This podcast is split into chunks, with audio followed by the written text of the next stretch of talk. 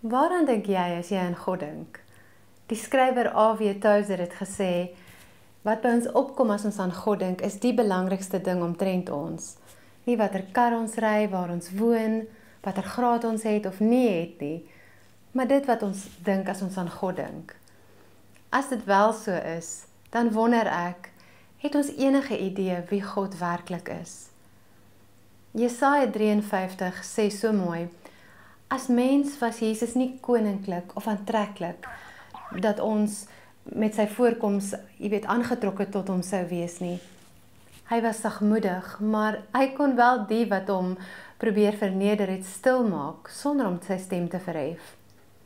En in sy diepste wese is en was hy liefde. Hy weet alles omtrent jou en my en steeds is sy liefde vir ons oneindig. Wat dink jy as jy aan God dink? Vir sommige mense is hy die man daarbo. Maar wie is hy vir jou?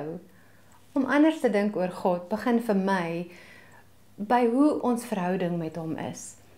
Vir my is God my diepste vertroueling.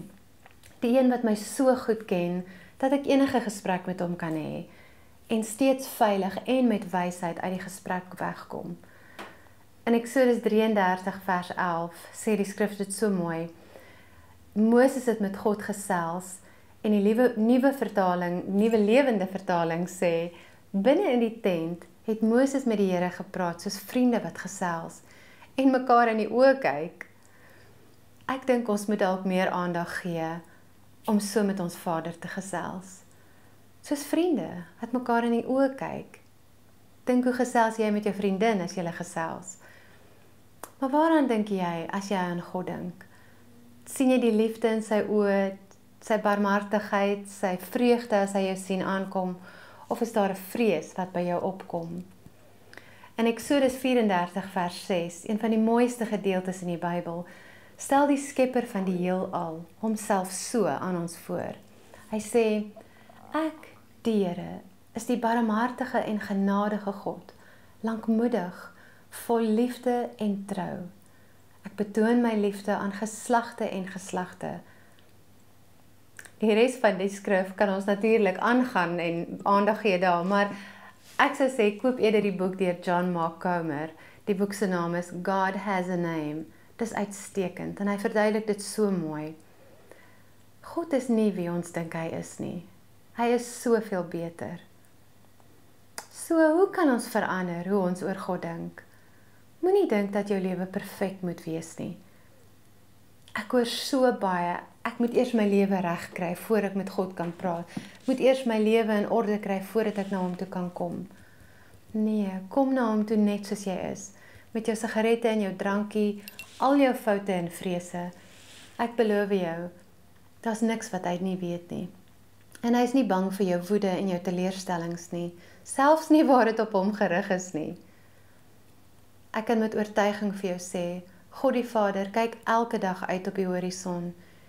En vir die van ons wat hom nog nie ken nie, wag hy om te sien, is vandag die dag dat my kind huis toe kom. Hy is nie verantwoordelik vir alles wat verkeerd gaan nie, al wil die mensdom hom graag daarvoor blameer. Maar hy is die enigste een wat ons foute kan omdraai en 'n wonderwerk daarvan kan maak. Ek glo om anders te dink oor God is om te om te om te dink aan hoe hy homself aan ons voorstel. Dink 'n bietjie. Ek is die barmhartige en genadige God. Dis wat hy sê. Soos 'n vader hom oor ontferm oor sy kinders, so ontferm die Here hom oor hulle wat hom dien. Dis in Psalm 103 vers 13. En Matteus sê God, hy is nie daarbo nie.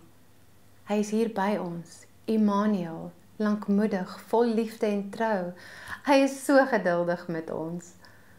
Ek glo om anders te dink oor God begin met 'n besluit dat hy goed is. Dis nie 'n maklike taak in 'n wêreld waar dit soms lyk asof God nie teenwoordig is nie.